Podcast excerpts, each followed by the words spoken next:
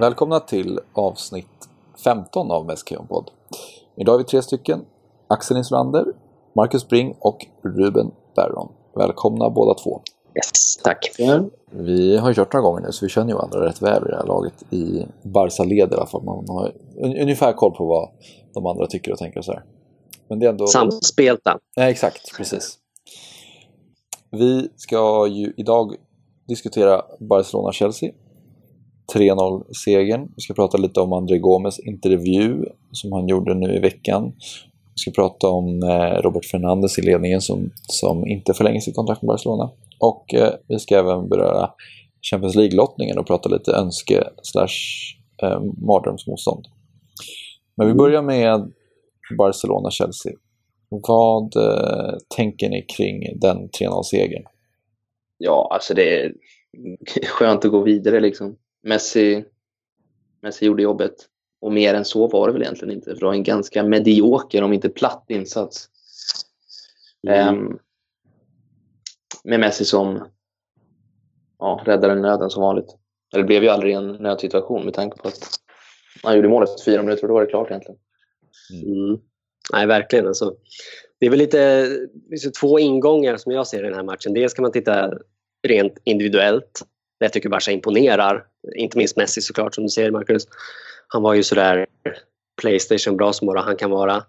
Men även mitt, mittlåset och, och Iniesta var bra också. Många individuella pusselbitar som, som satt. Eh, sådär. Men, men så finns det just den här kollektiva taktiska synpunkten och, och i, den, i det avseendet tycker jag Barca går bort sig ganska rejält och, och tappar kontrollen och bjuder in Chelsea i matchen på ett sätt som eh, alltså, som i alla fall jag var, jag var både överraskad och missnöjd över. Eh, jag tycker att, att Barca inte riktigt valde väg tillräckligt tydligt. Jag tycker man ställde å ena sidan upp med en offensiv viktad startelva med, när man liksom övergav diamantmittfältet till förmån för eh, Dembélé och ett lite rakare eh, och lite mer offensivt eh, 4-4-2 men på samma gång inte spelade med den här offensiva balansen på laget. Alltså, det vill säga inte spelade med någon tydlig återerövring utan fortsatte att spela förhållandevis mycket bakom bollen. Och det, det tycker jag var med facit i hand ett, ett, ett felbeslut. Jag tycker att Barca som en konsekvens av det blev ihåliga och, och liksom inte fick eh, inte kontroll helt enkelt på, på matchen. Och, så där tycker jag Valverde gick bort sig lite grann.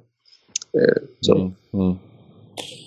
Hur, hur, känner ni kring eh, Dembélés insats annars i själva matchen? Nu har han ju, känns som att han börjar komma igång lite och komma in mer i, eh, i spelet och få mer utrymme på planen och även starta i en sån här stor match. Mm. Ja, precis, det, det är väl lite eftersom matchen blev så öppen som den blev och Barca inte fick kontroll så, som en följd av det så blev det ganska mycket ytor för Messi och Dembélé att utnyttja och det, det är liksom på så sätt, det, det är det som vinner oss matchen lite grann. Eh, att, att individerna fick tillräckligt utrymme för att fälla avgörandet. Men, så jag, jag tycker han var bra. Mm. Riktigt bra. Men, men det är som sagt hur det hur kan man förena det med, med, med, med balansen på laget? Eh, det kommer väl bli frågan inför drabbningarna med, med ännu bättre lag i Champions League. Förutsatt att vi får, inte får Sevilla typ eller något sånt där. Men eh, det du menar är lite att du känner att laguppställningen med att, att det ändå var rätt att starta med Dembélé men att taktiken som eh, ställdes upp, eller taktiken som användes mot, mot Chelsea inte var mm. rätt. Ja precis, för, för tydligt. Jag, nej, men jag vet inte hur ni känner men jag känner att spelar man med en sån offensiv viktad startelva så har, så har inte laget råd att behöva försvara sig på traditionellt sätt som vanliga dödliga lag. Utan spelar man med en sån offensiv balans då måste man spela med, en, spela med ett högre bollinnehav, det vill säga med, med en, en, en, en tydligare återerövring. Det laget som var på planen igår har inte, kunde inte försvara sig tillräckligt bra. Och det, det, förstår ni vad jag menar? Det finns en, ja i takt med att man vrider upp balansen så måste man också vrida upp återerövringen. Det, det, det är min fasta övertygelse. Ja, och, och, det gjorde man inte igår, vilket jag tycker var överraskande. Eh, mm. Faktiskt. Mm. Ja, nej, frågan är ju det om Valverde hade, eller vad han hade instruerat. För det såg inte ut som att han ville, ja, lite som du säger Ruben, att han var bekväm med att sitta lite mer. Liksom. Ja, det var mitt intryck också. Han, ja, men, hålla ställningarna. Men- Sen så... Eller ja, fortsätt Ja. Marcus. Nej, men det där målet, tidiga målet ändrar ju säkert saker och ting och det fanns väl ingen anledning för Valverde kanske att ja, men, ja, men B-laget att pressa på ordentligt. Det här vi kan ju bara spekulera i det. Liksom. Men, Men, och ytterligare en grej, det är Val Suarez tycker jag, han är en liten, var en liten känga till honom. Vi kan vara ganska loj generellt i pressspelet igår. Och det där är ju det övriga lagets ja, men trigger. Presstriggern som gör att de ska hänga på. mm. Men säg att eh, de hade gått ut och spelat med ett jättehögt pressspel och ordentligt återerövringsspel. Hade man känt då att man var lite orolig för kontringar från Hazard eller Will- och William eller hade man mer varit glad över att det är ett eh, offensivt och vågat val? Nej, så kan det ju vara att Valverde resonerade. Att han hade sån extrem respekt för Hazard och William. Men de är ju, alltså deras förmåga att driva bollen upp i anfall är ju extrem. Och de sprang ju från Rakitic och Busquets ett antal gånger ändå. Och de hade ju, Chelsea skulle ha gjort mål i den här matchen. Alltså det var ju ribba och frilägen och straffsituationer och det var ju, ja. Mm. Att ha en intakt nolla efter 90 minuter är ju en, en smärre chock nästan. Det är fascinerande, man har ändå suttit många gånger den här säsongen och, och pratat om att eh, ja, det var ju bra att vi vann matchen, men det var ingen bra match. Och Nej, typ, det- och typ sådana saker som att eh, fan vad sjukt att vi inte släppte in några mål. Alltså det är, Antingen så har vi haft jäkligt mycket flyt i vissa matcher, eller så är det bara så att vi täpper till precis så att det räcker, så att säga. Vilket jag Mm. tror ändå lite mer på. Visst, de hade ett läge där det en frispark i, i ribbkrysset och sen så eventuellt att eh, det skulle varit en straff också men, men eh, annars de skapade ju möjligheter men de skapade inte riktigt de här superhet och då, då gör man ju heller inga mål så jag tror att det var en, en slarvig och lite onödigt eh, utrymmesgivande insats kan man väl säga men jag tror ändå att den var det var ju, det var ju tillräckligt solitt defensivt för att det skulle flyga. Alltså man, är ju, man vill ju ofta hitta brister när man, när man inte vinner matcherna. Eller vad säger jag, när man, när man eh, vinner matcherna så pass stort och så pass komfortabelt ändå och leta efter vad som kan bli bättre. Men eh, jag tycker ändå att problemet är ju att vi inte tog kontroll över matchen på det sätt man ville. Men om man kollar på det rent defensiva arbetet från till exempel upp till 10 Piqué så var det ändå en, en bra insats tycker jag. Men känner ni nu att eh, Valverde, även om den här matchen var ganska defensivt präglad och det ändå var ett bollinnehav på 50-50, känner ni att han börjar släppa fram Coutinho och Dembélé eh, mer i spelet och att det ändå börjar se mer offensivt ut? Ja, det, det... I takt med att Dembélé kommer in i laget eh, och kommer igång mer och mer så, så verkar det som att han vill släppa fram honom, Dembélé och Coutinho också, eh, när han är tillgänglig. Men frågan är väl då återigen, då, då, då hamnar man ju i, eh, i balansfrågan. För gör han det, vilket han gjorde igår, då vill det till att vi, vi har bollen ännu mer än vad vi hade och det vill till att vi inte behöver försvara oss på traditionellt vis för, för det kommer inte det mittfältet klara av eh, mot bättre lag utan då, då återigen då, då, då vill det till att vi spelar med en tydligare återerövring som vi har gjort ibland. Det har, den strängen har jag vill jag ju tro att Valverde har på sin lyra att han kan spela med ett offensivt lag eh, och samtidigt vrida upp återerövringen så vi inte blir så bräckliga bakåt i, i planen. Eh, men eh, ja, så, så, som, som sagt, ska vi mönstra en sån startelva med Dembélé, Coutinho, Iniesta och många av de spelarna samtidigt, ja, då, då vill det till att vi gör vi spelar med rätt typ av eh, taktik helt enkelt. Mm. tror. Mm. Tror du att Valverde någonsin skulle göra det? Spela med dem alla samtidigt? Säg, jag förstår om han skulle kunna, jag kan tänka mig att han skulle kunna göra det i ett sånt möte som typ Malaga borta när man möter botten, bottenlag, men om det är en, en viktig match så som typ igår. Ja, jag tror inte att han kommer spela på det sättet när det bränner till. Eh, det, det har han ju inte gjort tidigare och mot bakgrund av hur matchen gick igår, det vill säga att vi ja, den, här, den här sorts mellanmjölkinsatsen så tror jag att han kommer snarare att återgå till eh, att spela eh, med det här diamantmittfältet med, med Paulinho på planen och sen lämna resten åt Messi. Det, det tror jag kommer bli melodin framöver. Och det, det har jag full förståelse för. Det till och med tycker jag att han ska göra om han nu insisterar på att inte spela med en, en överdriven återerövring. Vilket han ju uppenbarligen inte vill att döma av eh, gårdagens match. Så, så, då är det mycket bättre att bara välja den andra vägen och göra det ordentligt. Precis som han har gjort under loppet av hela säsongen hittills. Mm. Så. Mm. Jag förstår. Mm. Eh, någonting som ni vill tillägga i Barca-Chelsea-matchen? Mm, nej, men det, tillägga, men det var kul att se att Dembele ändå tog chansen. Han var ju... Det var inte alls självklart att det skulle lyckas. Liksom. Nu vann vi med 3-0, han gjorde ett mål.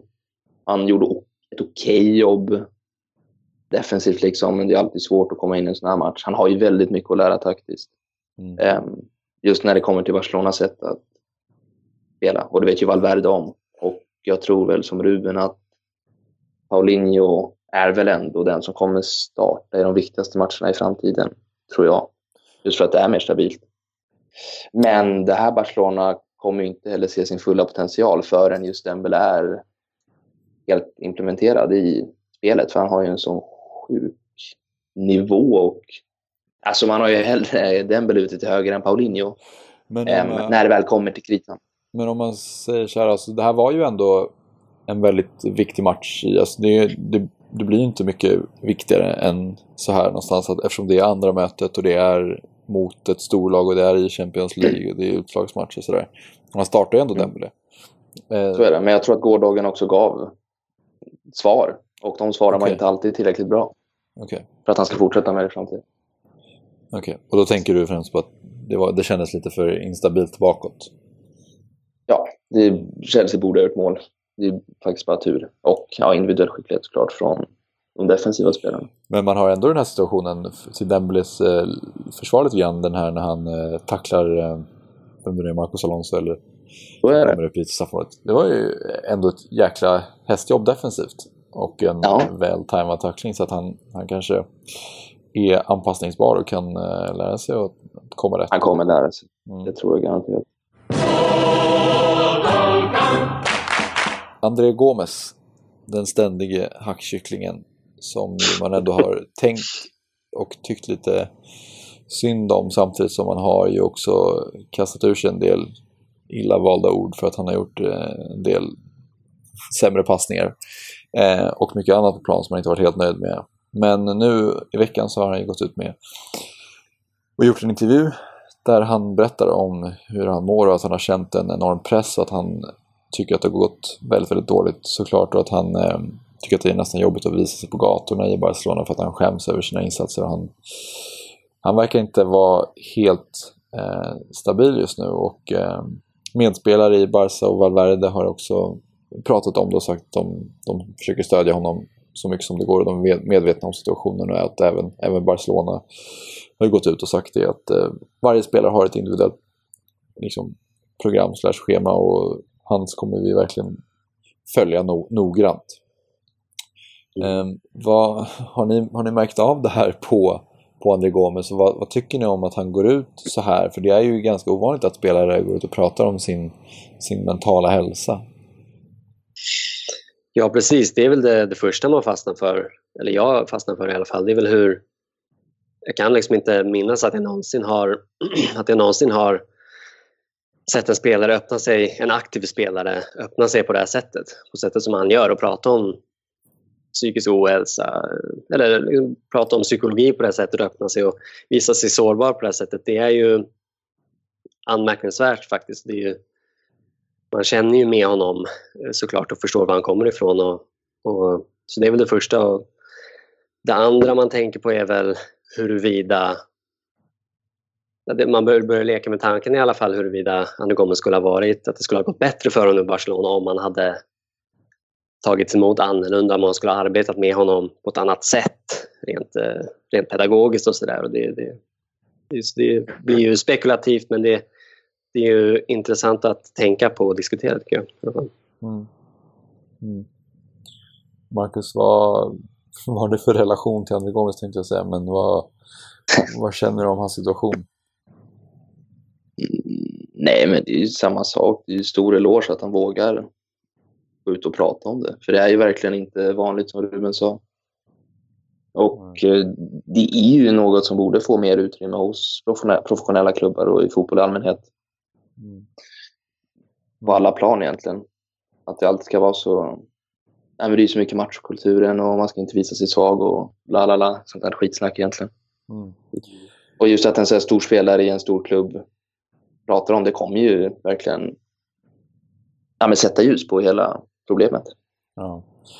Men om man ska spekulera lite i hans, i hans Barca-karriär nu framöver. När han kom in på Camp Nou så blev han ju hyllad och, och, det var ju väldigt fint och glädjande att publiken ändå läste det här och tog emot det han sa och verkligen eh, vände lite grann. Men tror ni att det kommer vända för honom någonsin spelmässigt? Tror ni att han kommer kunna bidra mer än vad han eh, gör och vad han har gjort tidigare? Eller blir det så att han kommer göra några inhopp in den här säsongen, eventuellt någon säsong till och sen så, så lämnar han? Ja, jag ser ingen framtid för honom i Barcelona. Han är ju, alltså, Gomes i all ära, men jag tror verkligen inte att han, inte han är tillräckligt bra för att ta en ja, viktig plats i den här truppen. Jag tror han lämnar till nästa säsong redan, om jag ska vara helt ärlig. Mm. Mm. Det tror väl jag också. Jag tror väl oaktat hans eh, psykiska status eh, så tror jag, tycker jag att han är fel spelartyp för Barcelona i, i grunden. Liksom. Lite för kraftfull vertikal spelare som, som eh, nog eh, eh, skulle flytta till en, en annan liga, eh, till och med eller ett annat lag. Så där. Men, men, nej, så, jag, så jag tror att han eh, är en fel, eh, fel spelartyp. Men sen är det ju det är inte, det det är inte att man inte känner med, med honom såklart. Det är ju, plötsligt börjar man ju heja på honom på ett, på ett annat sätt. Men, eh, sådär, men nej, jag ser väl ingen framtid. Nej, det, det, blir ju blir ju lite sorgligt någonstans för det är som du säger, man hejar ju lite på honom som att säga, kom igen nu, hoppas du gör något bra så att, du, så, att det, så att det går bra för dig mer än att man känner att man hoppas det för att det ska gå bra för Barca. Um, det är ju lite tråkigt det som är svårt för honom just nu. Jag tycker att det är otroligt modigt. Och jag gillar ju verkligen när spelare går ut så här och berättar mer än allt annat, alltså att de pratar om annat än, än klyschor och, och ger någonting mer. Och det tycker jag är häftigt men det känns också som att det är lite det är farligt att vara sådär transparent. Och han kommer ju säkert hackas på motståndarläktaren nu när han har öppnat upp sig eh, och kanske får ta, ta en del skit på andra arenor som tycker att han är liksom eh, svag eh, eventuellt. Så det är ju det, är det som är lite tråkigt eh, med fotbollen. Men det är också, som du är inne på, det, det är konstigt att det inte, att det inte pratas mer om eh, psykisk hälsa i fotbollen i och med att det är en sån stor, stor press på fotbollsspelaren. det är inte konstigt att han, att, han, eh, att han mår dåligt om det inte går bra eftersom han har enorma krav på sig. Mm. Nej, precis. Det är ju som, som du är inne på, Marcus. Det, ens intryck är att det definitivt att ledarskap och pedagogik inom fotboll är ganska När man inser att det finns en väldigt eh, tydlig, ett tydligt sätt, ett tydligt sätt att arbeta på. Vare sig man pratar om eh, seniorfotboll eller ungdomsfotboll eh, så, så är mitt intryck absolut att det finns ett, ett en sorts eh, att det är ett ganska outforskat område och, och jag tror väl att eh, trots att det det håller på att förändras eh, så, så ser jag väl en, en sorts liksom, eh, ja, men det är en sorts outforskad potential eller outnyttjad potential som finns i idrottspsykologin. Liksom. Jag, jag tror att jag kan bara tänka mig många, eh, många talanger som har, eh, som har gallrats bort i och med att det har varit så, en sån, eh, ja, men en sån eh, ensidig kultur liksom, kring fotbollen och kring idrott i stort. Det, det blir man ju lite ledsen på när man, när man tänker på hur många talanger som skulle ha blivit något om saker och ting var, var annorlunda. Och, och det fanns eh, ledarskapet tangerade en liksom, större del av eh, människospektrat. Så att ja. säga. Ja, det, det, är ju konstigt faktiskt just att det är saker och ting, eller fotbollen och världen utvecklas ju jättemycket men att det är en tränare. Visst har man har en tränarstab men det är fortfarande en person som fattar relativt enhälliga beslut och det funkar inte för alla. Egentligen så när man har de resurser som en klubb som Barcelona, kanske man ska ha en tränare som är anpassad för varje spelare för att maxa den personens eller spelarens prestation hela tiden. Sen mm. så har ju de, som, som jag var inne på tidigare, såklart också i egna scheman och det, de, de blir ju väldigt individuellt bemötta också. Men eh, man kanske ska försöka trycka på det ännu mer. Ehm, eh, och nu är ju Gomes, han är ändå en, en bänkspelare som kommer in ibland, men typ när det gick dåligt för Suarez i höstas och inte gjorde några mål, då kanske han verkligen behöver det stödet. Nu vet man ju inte hur mycket han får det eftersom det är svårt att se in bakom kulisserna, men eh, man får ju hoppas och man kan tycka att det ska han i alla fall ha, så att säga. Robert Fernandes, sportchef i Barcelona, kommer inte förlänga sitt kontrakt med Barcelona. Ehm, han har ju inte blivit eh, hyllad och ledningen i stort har ju inte blivit hyllade nu den senaste hösten. Vad tycker ni har varit de största felen och vad, vad är det som de har gjort som, som inte har funkat? Ja, det enklaste att bedöma en sportchef efter blir ju alltid ja, värvningarna. För att det är ju den personen som är ytterst ansvarig i slutändan. Och han har nu varit på plats i... Ja, nu när han lämnar i sommar så blir det tre år. Och under de tre åren har ju Barcelona spelat, spenderat miljarder och ändå typ prickat rätt i... Riktigt rätt i en värvning. Och det är, det är lite deprimerande mm. statistik mm. faktiskt. Och det är Umtiti jag tänker på då. Ja, just det. Ja. Så utifrån dem... Ja, då är det svårt att säga något annat än att det varit Ja, nej, men jag är väl på samma linje ungefär. Det, trots att inte allting har varit genomuselt. Det finns ju vissa eh, grejer som de har gjort helt okej okay ändå. Men, men det, på det stora hela sett i de senaste 50 åren så har ju så kan man ju bara, är det bara konstatera att klubben inte har lyckats förvalta den eh, förvalta det, den särställningen vi, vi har haft och till viss del fortfarande har, men framförallt har haft. Och det, jag liksom ni och liksom, jag tror de, de allra flesta eh, jag känner mig rätt så övertygad om att en, en kunnigare sportledning skulle ha, eh, skulle ha skött den här pågående och framtida generationsväxlingen på ett bättre sätt.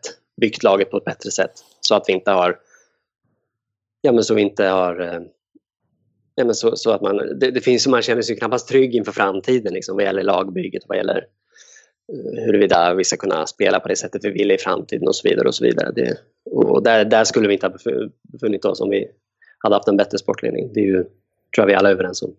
Och då, då ser du främst på det som kommer från akademin, eller? Ja, alltså delvis, men, men kanske ännu mer hur de har byggt laget, det som Marcus är inne på. Hur de faktiskt har värvat och hur de... Det känns ju plågsamt uppenbart att de inte riktigt har koll på vad som krävs för att vi ska kunna spela på det sättet vi vill. Jag menar, vi står ju här med en tränare, med, ett lag som inte är byggt på rätt sätt. Eh, åtminstone inte byggt så att vi på sättet så att vi kan spela helt och hållet spela den fotboll vi vill och det är ju tack vare Valverde vi den här säsongen har förvandlats till något positivt. Det är ju knappast sportledningens eh, förtjänst. Samtidigt som sportledningen ändå sätter Valverde på plats. Alltså, Den ska de ha cred för. Ja, det är faktiskt sant. Det måste man säga. Eh, så att om, om man är nöjd med Valverde så får man ändå vara nöjd med deras rekrytering Absolut. av honom och att de har pinpointat honom. Och, eh, jag minns ju att Robert Fernandes, jag vill inte ta honom till försvar här, men eh, jag minns att han sa i en intervju där innan Valverde kom att jag, han, jag tror verkligen att han kommer vara rätt, rätt man för Barcelona. Sen är inte det sagt att Valverde är det ännu, men det har ändå gått ganska bra under hösten. Jo, det är en mm. valid point. Det är helt sant. Men eh, jag förstår vad du menar och det är ju det är Valverde som har gjort att det funkar på planen eh, sportsligt sett. Och det, och det är ju kanske inte de spelarna som har värvats in av eh, Fernandes som har gjort det utan det är ju fortfarande de eh, som kommer från egna ledarna som Messi, Piqué och ja, nu har ju Umtiti gjort det bra men det är Iniesta också som har en stor påverkan på laget fortfarande. Så att eh, på så sätt så har det ju inte funkat. Men om, eh, om Arthur och Jeremina i framtiden faller väl ut och eh, Coutinho blir en Barcelona-ikon, förändras hans legacy lite då tycker ni? Alltså kan han, har han fortfarande en chans att, att uh, gottgöra sitt, sitt eftermäle? Ja, någorlunda kanske, men det är ju inte, är det inte otroligt sportcheferi att landa Coutinho för en och en halv miljard liksom. Alltså, och sen hur övergången sköttes och Liverpool, ja, jag kommer inte ihåg exakt hur det var, om det var någon anmälan.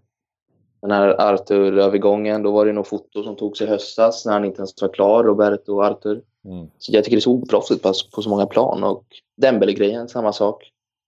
Också klagomål från Dortmund och Barcelona skötte det. Just det. Och det kastar ett lim, alltså...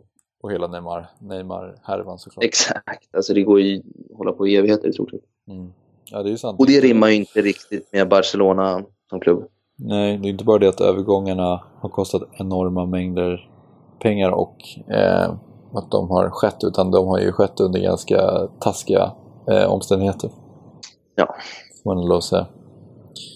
Men eh, om vi blickar framåt, eh, vad, vad vill ni se för väg nu i framtiden? Både inom närmaste tiden men också såklart om 10-15 år när, när förmodligen det kommer vara färre klubbar som slåss om de största titlarna, de klubbar med mest pengar. Mm. Alltså ur ett kort, lite mer kortsiktigt perspektiv så vill man väl se, det har vi pratat om tidigare, att man vill se ett Barca som gradvis hitta tillbaka till eh, alltså helt och hållet hitta tillbaka till sin spelmässiga identitet. Eh, och för, för, att det ska gå så, så, krävs det att vi plockar in rätt typ av mittfältare och, och, att man bygger laget på rätt sätt och det är väl det man det är ju förhoppningen inför framtiden och det är väl förhoppning att det, att det kommer in en ny pjäs i, i sportledningen som kan bygga laget på det sättet så att vi kan hitta tillbaka till eh, helt och hållet hitta tillbaka till vårt, vårt originalspelsätt så att säga. Eh, men ur ett lite mer långsiktigt perspektiv så måste man ju ta hänsyn till det faktum att de riktigt, att det finns klubbar som vars ekonomiska muskler håller på att bli ruggigt riktigt stora, ännu större än våra på sikt säkert. Även om vi alltjämt eh, kan fightas med, med på ungefär samma Eh, premisser liksom med dem. Men, men, och då är ju så det är inte helt otroligt, jag håller inte för otroligt att vi hamnar inför ett, lite, lite av ett vägskäl där vi inte bara eh, ja, men där vi måste välja att arbeta på ett mer organiskt sätt, det vill säga ja, men, göra lite mer eh, där, vi, där, där sportcheferiet är riktigt bra snarare än att det bygger på tunga dyra värvningar och, och där vi hittar talanger underifrån och, och där, där det läggs ett stort fokus på själva hantverket och det spelmässiga hantverket. För, för, för på, alltså, blir det så att de shake-klubbarna och de engelska klubbarna svävar iväg, då, då är ju det vår då är det vår, vår eh, då kommer det krävas det för att vi ska kunna överbrygga det avståndet. Eh, det blir lite spekulativt. Vi, vi, liksom, vi, vi får se vad som händer med, hur fotbollen i stort och hur det utvecklas. Men det är väl så jag ser det. Att det finns dels ett värde i det ur en liksom supportersynpunkt, identitetssynpunkt. Att vi vill, vi vill att klubben ska jobba så för att vi älskar vår klubb och det den står för. Men, men, men som sagt, jag tror att det finns en ur en överlevnadssynpunkt tror jag det, tror jag det är viktigt att vi eh, kan lyckas arbeta på det sättet också. Ja, jag förstår. Men, nej, men man är ju orolig för att eh, Barca kommer nu, just nu är de ju, kan de ju ändå mäta sig med de, med de största shake-klubbarna så att säga. Men eh, inom en relativt överskådlig framtid så känns det som att det kan, kan bli tufft. Eh, och att det kommer pumpas in mer pengar där än vad det kommer göra i Barca. Och, och om man då ska förlita sig helt till talangerna så behövs det ju att det är riktigt, riktigt duktiga fotbollsspelare för att man ska kunna mäta sig med de klubbar som då kommer köpa in de överlägset bästa spelarna. Och där är det ju svårt och då känns det som att eftersom fotbollen drivs av pengar så känns det som att Barcelona förmodligen ändå finns en risk att de kommer haka på det, det tåget också och eh, försöka köpa sig till eh, framgång där också. Eh, är en mm. farhåga som jag ändå kan, kan känna. Mm. Ja, absolut. Det, och, och, har vi en, liksom, jag precis väljer de att gå all in för att hänga med de här tjejklubbarna rent ekonomiskt och, och, om det sker på bekostnad av, där har vi pratat om, men sker det på bekostnad av eh, det som utgör klubbens själ, ja då, då är det ju riktigt illa. Mm. Eh, absolut, det tror jag vi alla är överens om. Mm. Men allt beror ju också på, som du var inne på Ruben, vad som händer med fotbollen i stort. Alltså det är ju verkligen inte, jag, jag tror bara en tidsfråga när vi ser en europeisk superliga till exempel. Och då kommer ju hela klimatet förändras fullständigt. Då kommer vi ha 10, 15 eller vad det nu blir, hur många det blir, verkligen superklubbar som alltid kommer vara där och det kommer inte finnas någon utväg eller inväg, alltså förstår ni? Mm, absolut. Mm. Man är nyfiken på hur, förlåt jag men man blir nyfiken på hur supportrarna kommer att ställa sig till det. Alltså, Exakt. Ja, men vad har det, de att säga till dem liksom? Alltså, ja, men, nej, jag, jag, vet inte. Men, nej, jag, jag har inget svar på, på det, men jag, det, det blir intressant att se hur den, eftersom Barcelona har mer än de flesta riktigt stora klubbarna har ju Barcelona en, en liksom supporter ja, man har ju supportrar som, som är måna om vissa saker på ett sätt som andra inte är. Och det, det, jag inte, det, det kan ju bli en schism däremellan och det är kanske vårt största hopp. Alltså om man för att vi ändå har klass, historien liksom. och vi har bakgrunden. Och, och ja, och att supportrarna inte kommer att... Att det finns en gräns som, som om klubben går över en viss gräns så kommer supporten att reagera. Mm. Jag är inte säker på att det blir så, jag, jag, men jag, jag när en förhoppning att, eh, ja. att eh, vi, supporterna liksom kommer att, eh, om saker och ting går för långt, att de kommer att sätta ner foten. Men det bisarra är ju också att man, man kan ju spekulera i vilka, vilka lag som kommer vara i den här superligan som ändå jag absolut också tror på. Det, det känns väl som att allting pekar på det. Um, men här, att City och PSG är där förmodligen, men det kanske också är så att det är en klubb som just nu spelar i Championship som blir uppköpt och sen pumpas in pengar och sen plötsligt är den där. Ja, så är det. Alltså det är ju så otroligt skevt hur pass mycket pengar styr och jag menar man kan prata om framtiden men på ett sätt är vi ju redan där med tanke på typ Chelsea och City som egentligen inte hade någon bakgrund som några storklubbar eh, i alla fall i det mått de är i idag. Eh, och det har ju gått rätt fort ändå på 10 år som som, eh, eller ja, 15 år som Chelsea har gått från att vara en bra klubb men en, ingen sån stor klubb till att vara en av världens största. Eh, så att, eh, den, den utvecklingen känns ju ganska given men om man ska vända på det och försöka se på lösningar för att det inte ska bli så, vad, vad tänker ni på då? Det har ju ändå pratats om, om lönetak och att det ska finnas ett värvningstak också, att man inte får spendera eh, mer än en viss summa pengar för att köpa spelare. Vad, eh, har ni funderat någonting kring det? Alltså det är ju så otroligt svårt. Det, det, är på en och så, det, det, blir så dubbelt. Man, för det är klart att det att sätta lönetak och att reglera, det är klart att det ja, det skulle ju råda bot på vissa saker men det går att argumentera för, vilket många gör, för att det, det snarare cementerar liksom, hierarkin och, och klyftorna mellan klubbarna. Att, att liksom, för man kommer bara så långt på organisk väg. Med bara hantverk och idéer så, så ja, det finns vissa klubbar som kan överbrygga avståndet men de, flesta, de allra flesta klubbarna lyckas ju inte med det. Och, och då sitter vi där med en, en liksom cementerad klyfta mellan de, de, de lagen som redan sedan tidigare har stora ekonomiska muskler och de klubbarna som inte har det och det blir omöjligt att överbrygga avståndet.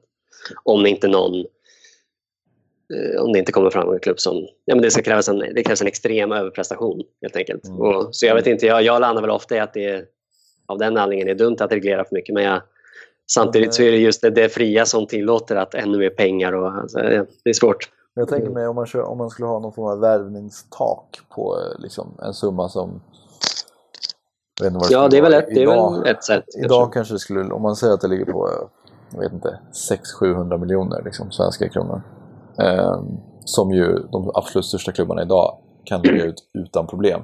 Eh, såklart. Då handlar det om, om det är en spelare som är fantastiskt bra, då handlar det egentligen för den spelaren om att välja den klubb den vill gå till snarare än den summa pengar som den blir erbjuden. Eller ja, i och för sig, då blir det ju pengar som summässigt, men om man också, också skulle införa någon form av tak då som den spelaren skulle kunna ta. Alltså, det jag försöker komma fram till är att hitta någon form av lösning där spelaren väljer efter klubb och ideologi och, och känsla snarare än bara eh, lönechecken. Liksom. Mm. Det är väl det man måste Det man, det man vill landa i är väl exakt hur låter jag vara osagt. Eh, Det har jag inte ägnat så mycket tid att tänka på en, en specifik lösning men det man vill landa i är väl när man är men att det ska vara värt något med alltså kunskap ska vara värt något. Ja, Liksom hur, jag vet inte hur det ska gå till men det ska att man ska belönas för att vara duktig på själva hantverket. Eller duktig på att fostra spelare. Duktig på, alltså, det, I takt med det, det, det håller ju på att urholkas. Det är den utvecklingen man vill, man vill åt, eller stoppa på något sätt. Lottning av kvartsfinalerna till Champions League är imorgon fredag och alla lag kan möta alla. Det kan bli El Clasico och det kan bli Bayern München. De lag som är kvar i turneringen, bara för att dra en snabb recap, är ju Liverpool, Manchester City, Bayern München, Juventus, Roma, Barca, Real Madrid och Sevilla. Vilket lag är det lag ni helst möter och vilket är det som ni verkligen gärna undviker? Marcus, du kan börja. Yes. Äh, det är ju svårt att inte landa i något annat än Sevilla eller Roma som drömmotståndare, faktiskt. Um, Sevilla har haft en ganska usel säsong för att vara Sevilla. Uh, och Roma är väl inte alls lika bra som förra säsongen, i alla fall inte lika stabila. Så blir de och Marumsmotståndare, då är det väl... Ja, Manchester City hade varit lite småjobbigt. De ser ju faktiskt fruktansvärt bra ut. Mm. Och det känns ju som Pep skulle kunna man manövrera ut Valverde. Men eh, om man ställer eh, tre lag mot varandra då, Real, Bayern München och City, eller vi lägger in Juventus också i den ekvationen, det är ju fyra av kanske de största eh, jobbigaste Ja. motståndarna. Vilket, eh, om du måste välja ett lag, vilket känns som tuffast? Ja, då, för mig blir det Manchester City. Okej. Eh, Ruben? Ja, jag håller väl Sevilla som det absolut svagaste laget. Eh, tydligt svagare än Roma också. Ungefär, jag ser väl de som ungefär jämnstarka men jag, men jag tror rent taktiskt så tror jag att Roma ändå... Eller så här, Sevilla spelar ju så, så naivt. Liksom härligt spanskt så att säga. Och, de, de, och det var ju otroligt uselt av United att inte lyckas sluta dem med tanke på hur ja, men med den risken med- tanke på vilken hög risk eh, Sevilla spelar med i första tredjedelen utan att ha ett, ett superlag. Liksom. Det är ett bra lag men är inget superlag. Och när de till exempel åker till Bernabéu så blir de ju straffade för det och torskar med 5-1 direkt. Liksom. Det, och så jag är väldigt svårt att säga att vi inte skulle klå eh, Sevilla och slå dem på fingrarna. Eh, men, och svårast är ju utan tvekan City. Alltså det, ju mer jag tänker på det desto mer i att bara till varje pris undvik City. Det spelar nästan ingen roll i övrigt. Det är, Är klart det gör. Men, nej, men jag, jag, jag, absolut, jag, jag tror de kommer att...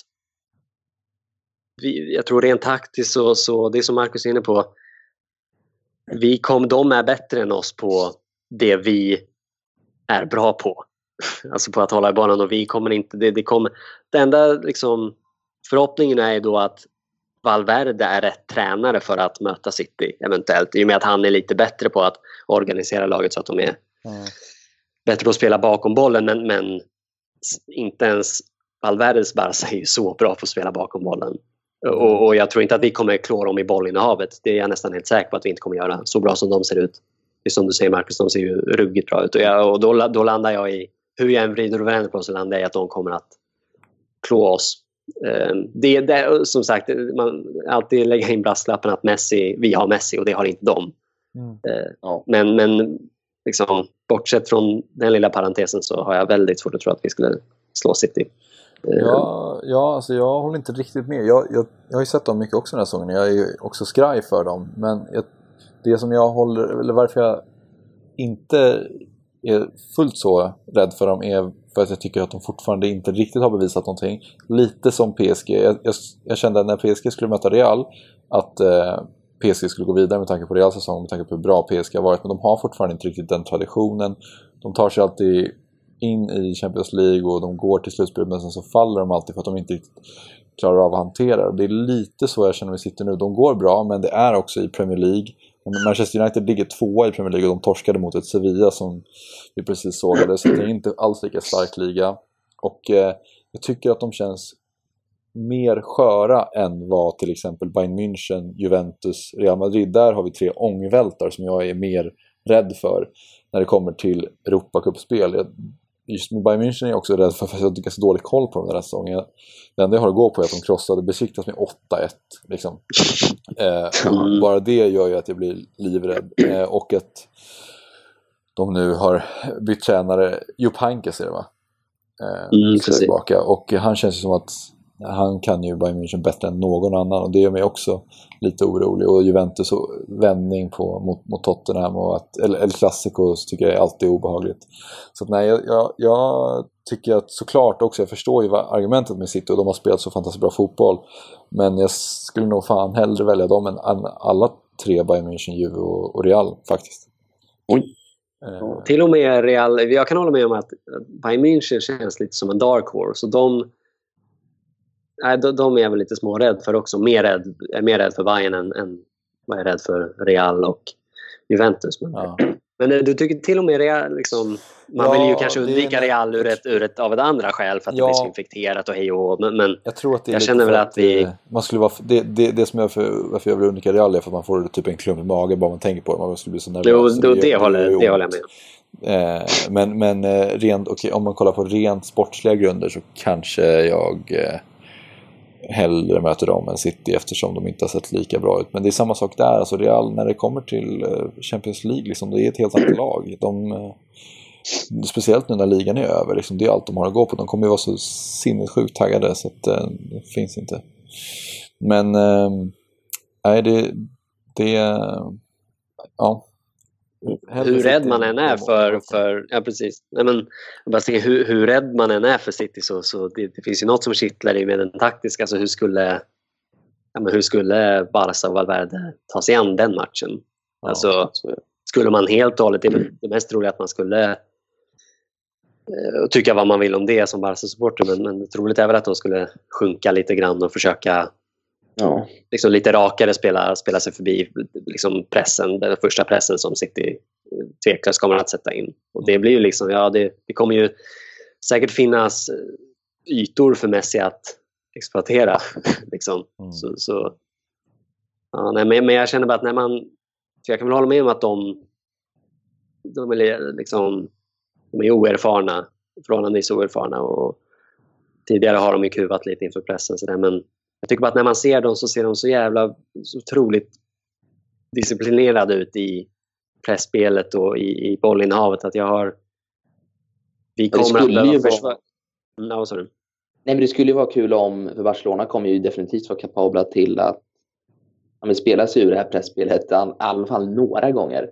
Mm. Och då kommer Messi och Suarez komma mot eh, Otamendi och company om de två nu startar. Mm. Alltså, eller Fabian Delf nu om han är vänsterback. Det, alltså, deras backlinje är, den är ju halv, den är ju halvdan. Alltså helt ärligt. Mm. Ja, visst. Mm. Nej, vi skulle kunna vi- såra dem där. Alltså det, så är det. Men de skulle, vi skulle ändå Och- behöva försvara oss så pass mycket och då, där ser jag att, alltså svårt att se att vi, vi klarar av det. Alltså, Då, när, när, när Liverpool körde över dem på Anfield då eh, såg de riktigt eh, taskiga ut bakåt. Så att de har ju de har visat större brister bakåt än vad Barcelona har gjort den här säsongen. Barca känns ju, det är inte så att City känns instabila på något sätt, men eh, Barca känns Det är ju ännu deras, mer stabila. deras enda förlust den här säsongen också. Så. Mm. Ja, Eller nästan, nej, tror mot Wiggen också. Just. Ja, men eh, Roma och Sevilla är ju verkligen de som man, man, man gärna möter. Men eh, Liverpool är ju det lag som är lite wildcard, det har vi inte pratat om. Jag skulle tycka de var jobbiga. Ja, eller hur? Det känns lite så. Nej, jag med. Men De- det, de vill man gärna inte möta, det känns lite jobbigt faktiskt. Sen tror jag väl i och för sig att vi... Man är ju rädd för dem så till att de är ett så tydligt omställningslag och har såna... Med Sa- Salah och Mané kommer ju såra oss troligtvis i omställningsspelet. Men jag tror väl ändå att vi skulle... Alltså vi kommer att... De kommer ligga lågt och jag har väl så jävla duktiga defensivt tror jag inte de är. Alltså jag tror ändå vi kommer att kunna om, om vi hamnar i en situation där, där de ligger lågt så tror jag vi kommer ha större, större möjlighet att skapa chans mot ett Liverpool än mot ett Chelsea till exempel, som det var i första mötet. Mm. Alltså, de känns inte lika stabila i det låga spelet. Så Så är det. jag tror väl ändå att vi kommer... Nej, Vi borde ju klå dem ändå. Trots att jag också är rädd för dem. Allting bottnar väl i att vi Barcelona har Messi och då går det liksom inte att vara rädd för något egentligen. Nej. Alltså Messi kommer ju avgöra vilken match som helst. Alltså det är, han är så oberäknelig så att det är helt sinnessjukt. Ja, man landar ju mer och mer i... i ja, vad sa du Axel? Förlåt. eller också sjukt beräknelig, bara att man vet att han kommer att. Ja, exakt. ja, precis. precis. Men eh, nej, ja, det är faktiskt en parallell som är ganska rimlig att dra just med Chelsea-matchen borta. Det kommer ju förmodligen i så fall om man möter Liverpool se något någorlunda likadant ut, att de ligger ganska lågt och så kommer de istället för att det är Hazard och William så är det Salah och Mané. Eh, men de har ett sämre, en, sämre, en betydligt sämre backlinje än vad Chelsea har. Och eh, vi lyckades ju ta oss förbi Chelsea så då lär vi kunna göra mot Liverpool. Mm. Sen också kanske man ska väl lägga in det är väl kanske inte helt otroligt att Liverpool emellanåt liksom pressar oss högt också. Det tycker ju Klopp om att göra också. Jag tror väl att i grund och botten kommer de att ligga lite lägre. Och, men Chelsea, framförallt i första matchen, de pressade oss ju nästan aldrig högt. Inte riktigt högt i alla fall. Det kan väl Liverpool komma att göra. Så det blir också en rolig grej. Hur kommer vi kunna lösa, nysta upp den första pressen? Mm. Spännande. Ja, Eh, är det något mer ni vill tillägga eller ska vi avsluta där? Nej, det känns bra. Nej. Ja. Jag kan tillägga att Barcas nästa match är mot eh, Atletico Bilbao eh, på söndag klockan 16.15. Sen matchen därefter, eh, sista mars, så är det just Sevilla borta. Så att om Barca får Sevilla i, i Champions League så blir det ett litet genrep där i La Liga strax innan. Så vi får se hur det går då. Jag vill bara påminna också om att om ni vill eh, kontakta mig, Ruben eller Marcus så kan ni mejla på vår mejladress som vi nu har skaffat, meskeunpodd.gmail.com. Det stavas precis så som eh, det låter och som det stavas på, på Svenska fans podd med två D och ingen apostrof över E. Så där får ni gärna mejla och kontakta oss om ni har några frågor eller saker som ni vill att vi ska ta upp eh, i podcasten. Det vore kul att få lite feedback. Eh, så gör gärna det. Annars så får jag tacka er två för er medverkan i avsnitt 15. Mm, tack. tack så mycket. Så ses vi igen om två veckor. Passa, passa.